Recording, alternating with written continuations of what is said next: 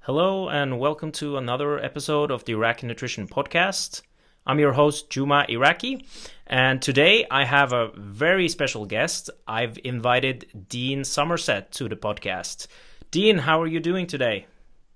Living the dream, chasing that rainbow. Every day is a gift. That's why they call it the present. How are you doing today?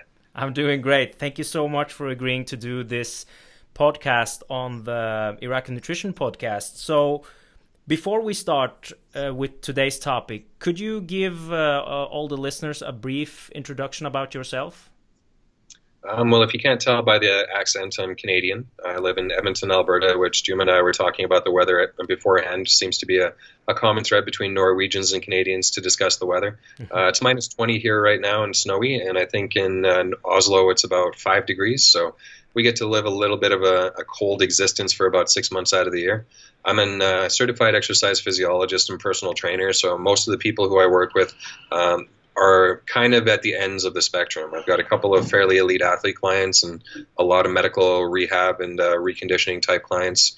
Um, they run the spectrum from joint replacements up to heart transplants, uh, cystic fibrosis to diabetes, and I have a couple clients that have gone to Olympics and Paralympics as well as some pro athletes. So uh, like I said, the full spectrum. Plus, I work with a couple of people in the middle who are just general population and want to lose a little bit of weight, get stronger, have fun, and just stay active as they go through their day. Excellent. And do you have any specific areas that you are more interested in when it comes to training?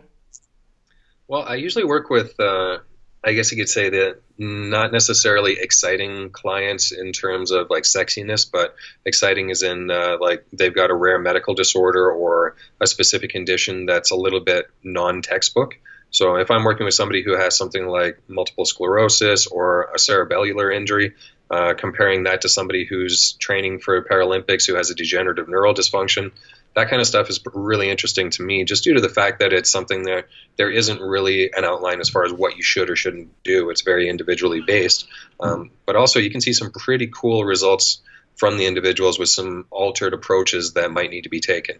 So, if you have somebody who's got cerebellar injuries or uh, multiple sclerosis, it's always kind of necessary to involve strength, mobility, balance, but you have to do it in a bit of a different way just due to the client's limitations. I mean, we can train and improve to a certain point, but the hardware that they're coming in with is a little bit affected. So we can't really fix that per se, but we can always improve on their condition, which is massively rewarding, not just to me, but to the individual we're working with.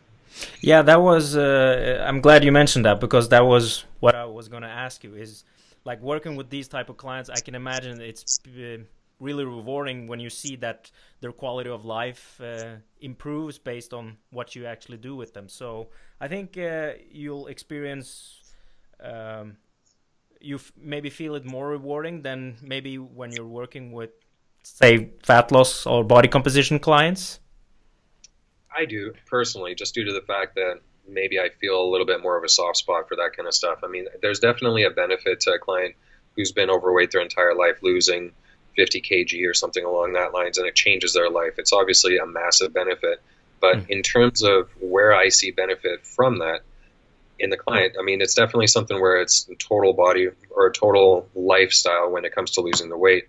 But if I have a client who's having trouble walking or a client who you know can't climb a flight of stairs without getting winded and now they can say you know what i was able to go for a five kilometer walk the other day i was able to climb stairs i was able to push a shopping cart and just do things that you would consider to be very basic elements of daily life whereas before those were eliminated these are people that might be right on the very precipice of needing assisted care, and now they're able to self care for however long they're able to stay active.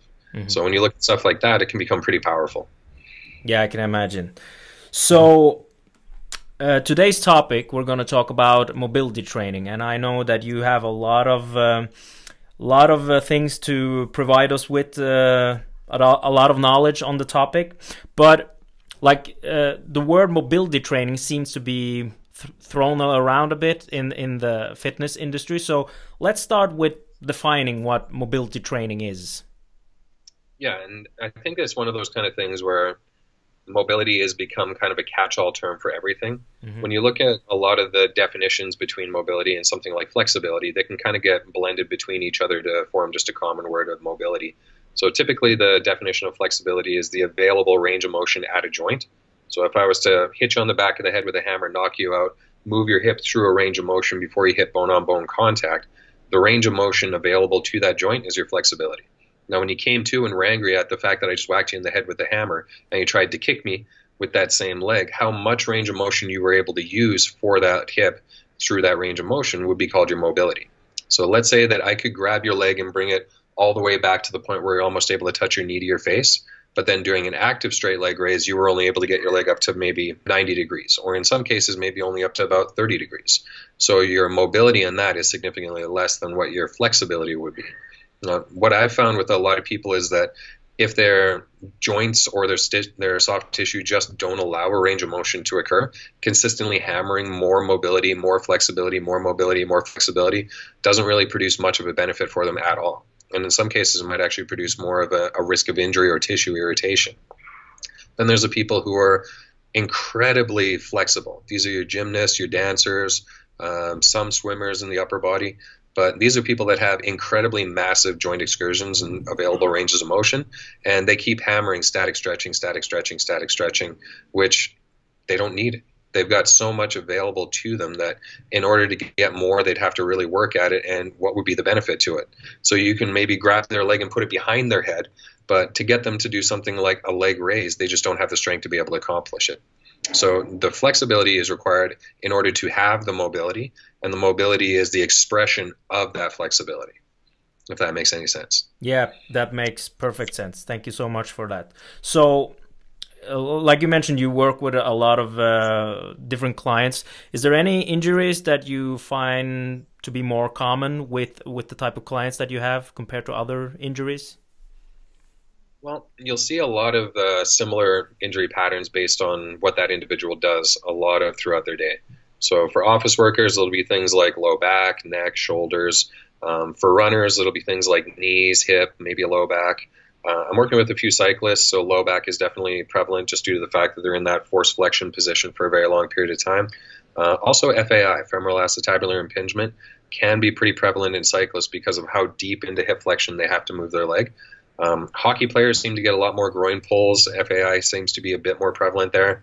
Throwing athletes, definitely shoulder stuff. So uh, the common injuries are based more on what they do versus just across the population. We can always make the case that if you do the same thing 100,000 times, something's probably going to wear down in that pattern. So for the people that are constantly doing the same thing all the time, there's usually risk of injury with that action. Excellent. Now, the typical gym goers, like typical bros at a gym, is there any specific injuries that you see more prevalent for that type of population? Yeah, with the the average gym guys, you got to think about what their training programs look like. They're going to be doing a very heavy press day, followed by arm day, followed by press day, followed by skipping legs, followed by press day, followed by arm day, and then maybe back day thrown in at the end of the week. Um, so when you look at a, a, program that's that balanced towards a pressing type movement, you'll wind up with a lot of anterior shoulder type issues. Mm-hmm. So you'll get things like biceps tendonitis, uh, bursitis, shoulder impingement, uh, maybe some neck and scalene type of soft tissue irritation. Uh, in really advanced, really traumatic type injuries, they might get like brachial plexus or thoracic outlet issues. Um, but a lot of the time, it comes down to stuff on the front of their shoulders just getting chewed apart. Mm-hmm. because they're just doing so much pressing stuff and they don't have the ability to control where their shoulder blades goes or where the glenohumeral joints positioning and they're just not balancing their program properly. Excellent. Now, is there any exercises or drills when it comes to mobility that you that you favor compared to other exercises? Do you have any favorite mobility drills or exercises? I've got a couple that I tend to go to more than others. Um, the, one of the better type of hip mobility drills is just a split squat, a lunge where you kind of lean forward and put your hand down to the ground and really get deep into that lunge position. It can do a lot of really cool things as far as opening up the hip on the front leg, stretching out the hip flexor on the back leg, getting some glute activation, feeling strong and athletic. Um, for upper body stuff, just doing basics like a shoulder circle doing a big round circle where you're looking at what the range of motion looks like. For some people, they'll get up to the top and then their arm will start kicking way out to the side because they have no control to be able to bring their arm behind them. People that have some good skill, they'll be able to actually get right back into the movement without turning their torso or getting any kind of secondary compensation. Uh, hip rotation is a big one too. And you find that a lot of people get jammed up into just sagittal plane action where they just flex and extend their hip. The downside to that is that the hip, being a ball and socket joint, is meant to do all sorts of different types of directions. If you just train it through sagittal plane, you no longer have a hip. Now you have a knee. So by getting into some sort of rotational stretch, internal rotation, external rotation, it has a huge benefit to just being able to keep the hips happy and moving. So something like sitting in a 90-90 position and rotating your hips side to side, or lifting a toe up, or doing some sort of a, a, tactical frog stretch, really beneficial for the hips, and just takes people out of that straight sagittal plane lockdown that everyone seems to fall into. Sounds good. Do you have any like wh- what do you typically do yourself? Do you have any specific routine that you do before you start lifting?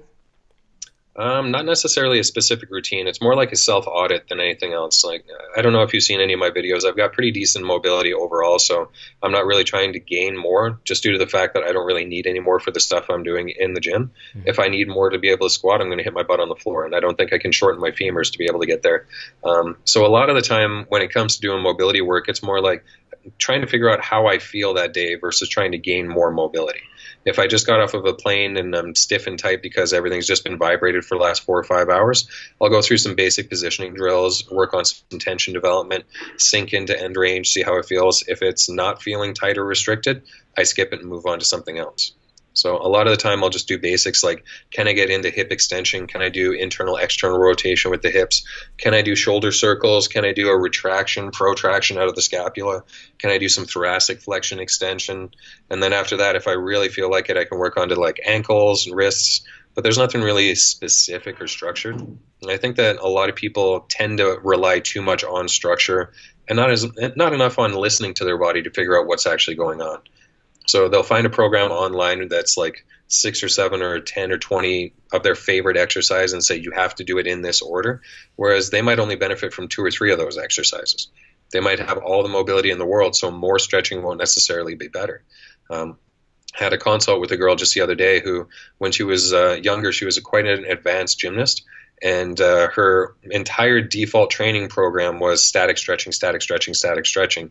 She's in her 30s right now and dealing with a lot of instability through spine, through hips, uh, end range pinch and compression kind of stuff. So a big shift that I've had her work on is getting out of that mindset of static stretching for like three to five to ten minutes per hold, and trying to work on creating tension in end ranges versus just hanging out down there.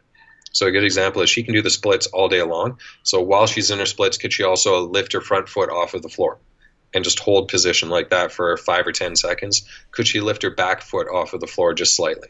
If she was doing anything with her shoulders, can she create tension through her shoulder blades relating to her torso to be able to control the mobility that she has? One of the downsides is that a lot of people spend so much time working on mobility that they forget how to control that range and that position when they get there. So if anyone's ever taken something like the FRC course, definitely recommend that in order to understand the benefits of end range control and positional type stuff. Excellent. Now, when when it comes to improving active range of motion, what seems to actually work and what doesn't seem to work? Well, there's a whole bunch of concepts out there about things like smashing, mashing, beating tissue up. And that seems to be great to a certain point. If you have somebody who's a 300 pound power lifter who has incredibly thick and tight tissue, yeah, they might need to beat things up a little bit more than somebody who's like 150 pound soccer mom, where she probably doesn't have the tissue that's resilient enough to withstand that kind of pressure. So something like a basic foam roller might be all that person needs. Um, a lot of the time people need to just work on control and end ranges more than anything else. There's a time and place for static stretching, so if you don't have the flexibility, that normal excursion through the range of motion, static stretching could be very beneficial for that to a certain point, and it becomes less effective as the person ages. So if I'm working with a 10 year old or a 15 year old or a 20 year old, the 10 year old will adapt to static stretching way faster than the 20 year old if I give that to a 50 or 60 year old person, they might not adapt to it whatsoever because of just degenerative changes in their joints and their bones are a lot stiffer, their joint capsules are a lot more fibrotic. So change for them might be incredibly slow or non existent. Once they have the flexibility, then you can start working on the mobility by doing basic stuff like way back in the day, they came out with PNF type stretches, just contract, relax type stretches and end ranges. Those have been picked up and become kind of trendy again, but they're things that have worked for decades and they seem to consistently work over time. So just stretch into an end range of motion position. Then you do a contraction of whatever muscle it is that you're stretching. Do a contraction of the opposite muscle. So let's say I wanted to do a pec stretch on a door, open my shoulder up really hard, and then I push into the door, create some tension through the pec. It doesn't have to be massive, but just enough to make sure it feels like something relax, and then try to create tension through the back of the shoulder, the rear delt, the rhomboids, all that area to try to expand into that range. It seems to work really well at uh, increasing available mobility and available active range of motion. And then from there, start working on patterning. Can you actually get in and out of that range of motion effectively on your own without having to hold onto a wall? If you can do that kind of stuff, then you can add loading to it. And if you can do that, then you can add speed to it. Then you can add a little bit of dynamic instability or perturbation work to it. But if you can start with something basic like static stretching to get the flexibility, and then PNF type stuff to get the control over mobility in that range, progress on to patterning it. it. Becomes pretty simple when you break it down like that, but it becomes pretty complex when people don't have that system of thought process. Excellent. Now you mentioned um, foam rolling. Is there any other like tools that you usually recommend or use with your own clients for mobility work? Um, typically for tool assisted type stuff, a foam roller is usually all I'll go to. Maybe a lacrosse ball once in a while. If I really need to get more than that, I'll send them out to a manual therapist who can kind of dig into the tissue a lot more effectively. Mm-hmm. The way I always look at it is self myofascial release, like foam rolling, lacrosse ball, that kind of stuff, is very much like brushing your teeth. It's great for self maintenance, but it only does so much. And to get the really deep cleaning, you have to go into a manual therapist who's sort of like your dental hygienist or your dentist. They can dig way deeper they've got the tools that they can use that can have a bigger effect on it. And a lot of the time, if I'm in the gym and I'm spending a lot of time doing uh, tissue work with an individual, we're probably missing out on the benefit of all the exercise they could be doing. And I'm probably doing a terrible job at it compared to what a, a qualified and skilled manual therapist would be able to do. So I'll get them into a manual therapist for one or two sessions, and they'll do a way faster job at opening that person up than I ever would. So it's a better use of that client's time, better use of their money, and they get faster results. So at the end of the day, they win, I win, everyone's happy. Sounds good. Now, uh, when it comes to using like lacrosse balls and, and foam rollers, tools to, to like dig into the muscle, is there is there something that you shouldn't do with the foam roller and the lacrosse ball?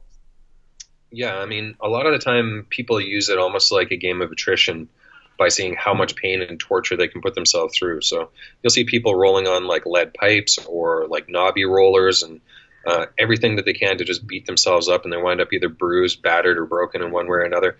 Most of the time, when you're doing any kind of foam rolling, you're trying to get the tissue to release tension. And if you're going over it at a point where it's so painful that you feel like you're just stiffening up and contracting and not allowing any kind of tissue release to happen, you're just trying to see how much torture you can put yourself through, and you're not getting a benefit out of it. Mm. So I usually tell my clients that when they do any kind of foam rolling, it should be a max of about a four out of ten on a pain intensity scale, where one is a gentle tickle or maybe a light caress, and ten is being eaten by a bear while you're on fire, and the bear's on fire, and the ground is on fire, and everything's on fire. so not that intense, but four out of ten is kind of like the easy stuff where you're like, hmm, that's not comfortable, but I can still talk to you and not have the grimacing O face that you would see on a normal foam roller. So at that point, it's slightly uncomfortable, not a gentle tickle, but also not a death knell, and the individual is able to feel the tissue start to give way after time. So usually people rolling way too hard, I try to get them to stay away from that. Uh, going directly onto joint capsules, I don't really see much of a point to that. If you're trying to release a joint capsule, you could probably get a manual therapist to do a way better job than a piece of foam rubber, uh, just due to the fact that the capsule is pretty small in space whereas that roller or lacrosse ball might be pretty big and you might not get the angle on it properly and the manual therapist has insurance so if they do it wrong you can sue them. If you do it wrong on your own then what are you going to do? Mm-hmm. so a lot of the time it's don't go too hard and hit muscle versus joints. If you do that you're good to go. Are there any specific muscles or directions that you shouldn't use for example a foam roller? Any anything there Uh, I would say as long as it's a, a, relatively superficial muscle, you could probably hammer it out pretty well. Mm-hmm. Um, you definitely don't want to go directly over nerve tracks if you can avoid that, but even then, it's kind of hard to do. Mm-hmm. So for doing stuff like the deep femoral nerve, you kind of have to avoid going onto that quadrant. It can be a little bit tricky if you don't know where that kind of stuff is, but even then, the only place I'd be a little finicky on is direct rolling on your spine, just due to the fact that facet joints and uh, spinal processes can be relatively unstable against that transverse application of force. There's probably better ways of doing it than rolling on a roller, but uh, for things like IT band, quad, adductor, all that kind of region, people say, "Oh, you shouldn't release your ad, your IT band." You're not going to release your IT band, but that's roughly the general area of where your IT band is, and you're trying to get the vastus lateralis, the quad muscle, to simmer down a little bit. So you're not releasing anything, but you're just adjusting neural tension in the muscles that are associated with it. Sounds good. Now, when it comes to mobility work, do you have the do you have an impression that people are doing too much mobility work before their workout these days? There can be, and usually those are the people who I find um, they feel like they're broken or battered or they're they're fragile in some way. So they'll spend 90 minutes doing their warm up, and then nothing for their actual workout, and then they'll go home. So they spent 90 minutes preparing to train, and then forgot to train. Mm-hmm. Whereas the people who come in who might be like the walking tin man, they're just completely stiff and tight. They might not spend any time doing mobility just due to the fact that they hate it because they don't feel good with it and they don't feel they make progress.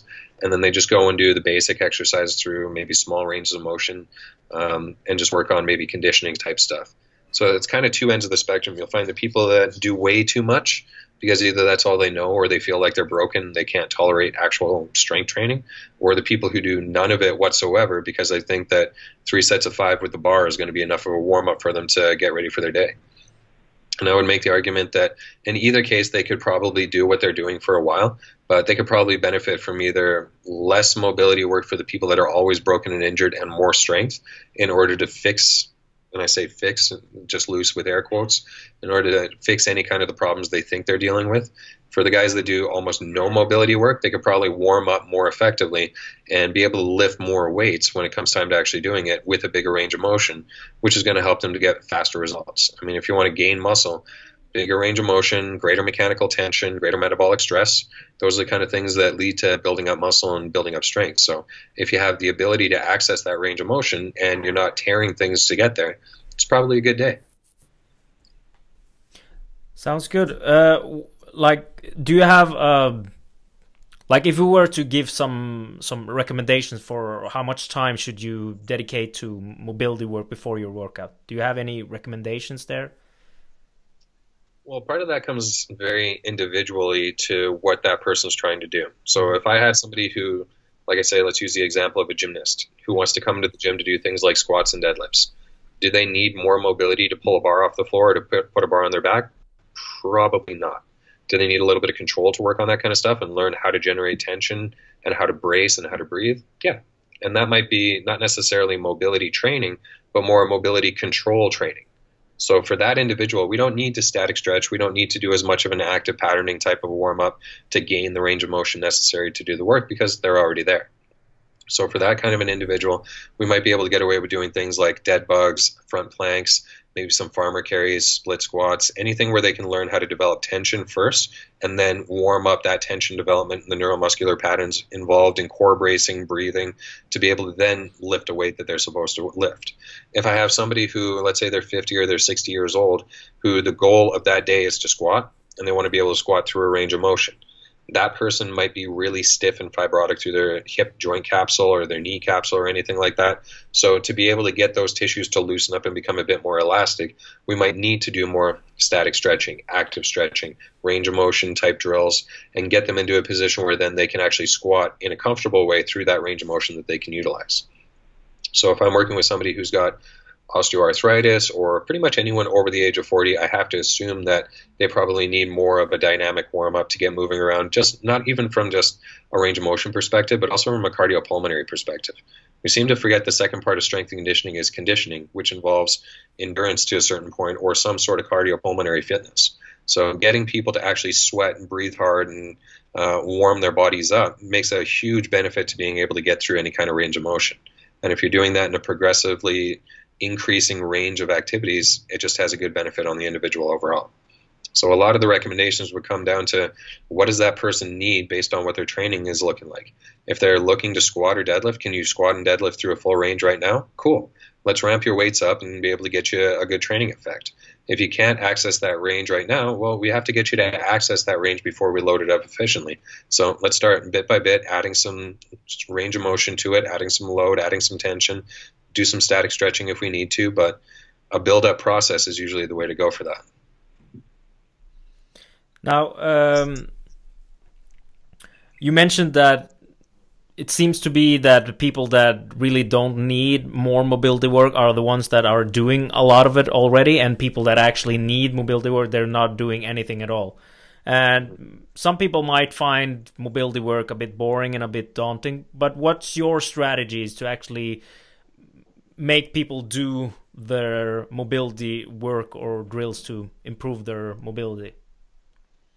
Um, well, part of it is coming down to how important is the goal that the training client is looking at achieving.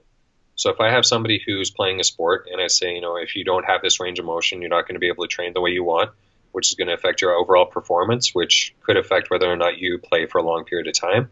Here's why you have to do this mobility stuff. So let's get you to buy into that.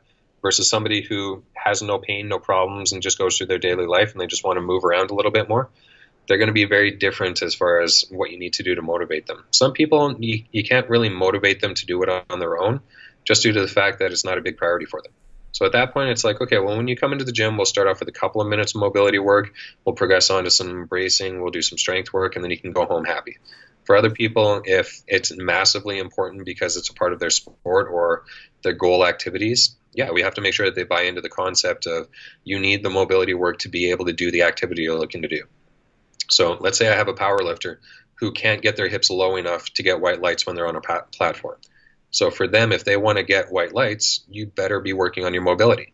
And if you get stiff and tight to the point where you're starting to get red lights and your lifts are failing, whose fault is that going to be? You know, you want to be able to get on the platform and have good performance and set some personal bests and do a really good job. You have to have the mobility to be able to get through that range. And if you don't, you're not going to get the prize at the end of the day. So let's work on the mobility requirements that you need to be able to do the job and how much of a buy in is the individual going to give. It's all going to depend on whether they prioritize it or not. Some people just don't prioritize it, which is fine. That's their prerogative. But then you have to point out to them why it's important and why your thought process is the way it is and whether or not it's something that they should be doing on their own or shouldn't be for some clients, I tell them straight up if you can quit your job and just do this all day, every day, just to the point where your tissues can adapt to it, that would be great. I'm usually joking about it, but I'm still kind of serious about it. Mm-hmm. Um, so at that point, you have to consider that, yeah, some people, they just don't have the time for it. They don't have the energy. They don't have the buy in. So you're trying to just give them enough to be able to make sure that they're knowing that it's valuable, get them to buy into it as much as possible, and then let the chips fall where they may. Excellent. Now, I, I don't really have any like this is usually not a a topic that I read a lot of research on, but maybe you know if there's like any effect of nutrition or supplementation on mobility. Yeah, and a lot of that is going to come down to how tissues adapt to the stresses on them. Mm-hmm. Um, I can't really pull out too many research studies on the specific effects, but I can tell you that hydration is massively impactful. So if an individual is even just slightly dehydrated, it can affect their tissue range of motion. It can also affect whether or not their capsule is able to adapt effectively. So when it comes to mobility, hydration is one of the top things that anybody should be looking to do. And that could come down to just drinking more water or having an electrolyte concentration, especially if the individual is involved in um, warmer type temperature activities. I know Norwegian and Canadian talking about warm activities is kind of a, a misnomer and kind of a fun point, but if you have somebody who's doing like even long cross country skiing, cycling, anything like that, if they're sweating a lot, then they obviously need to replace the electrolytes on it. Um, the older an individual gets and the more of a concentration of collagen versus elastin their tissues have, the more important hydration becomes. So if you have individuals who are getting into the older stages of life, getting them more types of tissue that can help out with collagen health can become massively important. So things like bone broth, or even in some people, glucosamine. It doesn't work with everybody. So some people that find that it either upsets their stomach or no effect whatsoever. Protein supplementation seems to help. Creatine actually works really well with a lot of people as well. So that's something that I think is kind of an underutilized nu- nutrient when it comes to a lot of supplementation plans and in a lot of different situations. Women seem to find a really good benefit with it in terms of strength, mobility, control. It seems to be kind of one of those wonder drugs that nobody really talks too much about. Aside from that, um, just making sure you get enough sleep and recover and stress the tissue enough and allow it time to heal. And it's usually all you really need. So, water, maybe some creatine and protein. What about uh, omega 3 fatty acids? Anything there? I haven't seen too much on direct effect of that in terms of mobility, but I do know that with omegas there is benefit to nervous system production and nerve health, and a lot of mobility is governed by the nervous system. So I, I wouldn't see a reason why it wouldn't affect it. I just haven't seen direct research on it. Maybe it works, maybe it doesn't. I think that might also come down to a case by case point. Exactly. Yeah. All right, Dean. So to to to wrap this uh, podcast up, what would be your take home message when it comes to mobility training? I know you have some principles or some some uh, some tips you usually give people on this topic. Yeah, usually it comes down to whatever it is that you're looking to do. Can you do that? If you can do that goal activity of whatever it is you're looking to do, and it's reasonably controlled uh, through the range of motion that you need, you don't really need more mobility training. At that point, it just comes down to making sure you can maintain what you currently have. If you can maintain it, you're good to go. You're able to do everything you need. Does more mobility give you more options? Maybe, maybe not. It just comes down to what that goal activity is. So, example would be a pitcher. On their throwing arm, yeah, you got to be able to get into that layback position to be able to get more whip on the ball. Does more rotation help? Probably. But if you're doing something like squatting or bench pressing, do you need as much mobility as a baseball player's throwing arm? Probably not. So whatever the goal activity is, you have enough range of motion to do that activity well. And if you do, then you don't really need to work more on increasing that range of motion. Just work on controlling it and developing strength through the full curve. If you don't have enough mobility to do the activities you're looking to do well, that's when you have to start hammering mobility. So it's more like you're trying to get to the point of whatever the activity is that you're looking to do and then doing it as well as you necessarily need to. So when people have a mobility program that they've been following for 10 or 20 years, I, the first question I always ask is, how has your mobility changed in that time? If they say, I don't know, or I don't think it has, what are you doing it for? Right? You're just spinning your wheels for the last 10 or 20 years and not getting any benefit out of it. So any kind of mobility training should improve mobility. It's like saying any kind of strength training should improve your strength. If you're not getting bigger ranges of motion, or if you're not getting bigger control out of those range of motions, then you probably aren't getting the benefit out of the mobility training you're doing, and it's time to switch things up.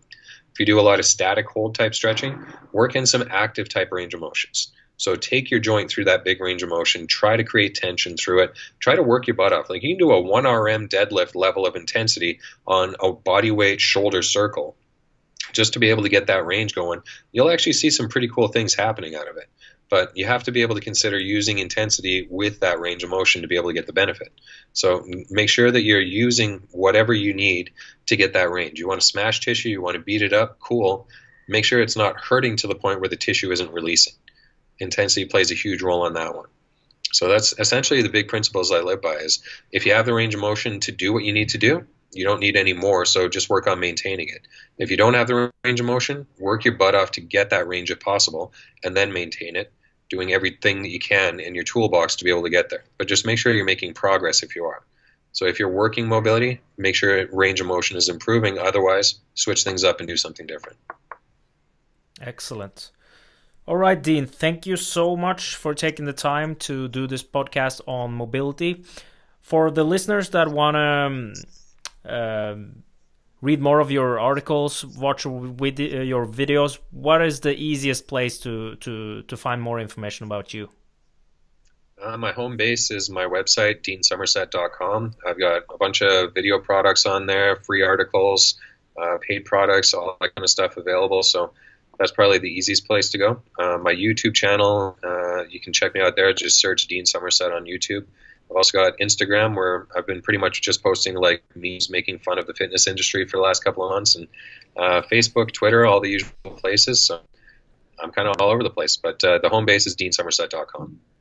Excellent, Dean. Once again, Dean, thank you so much for taking the time to do the podcast, and hopefully, uh, the winter won't be too long.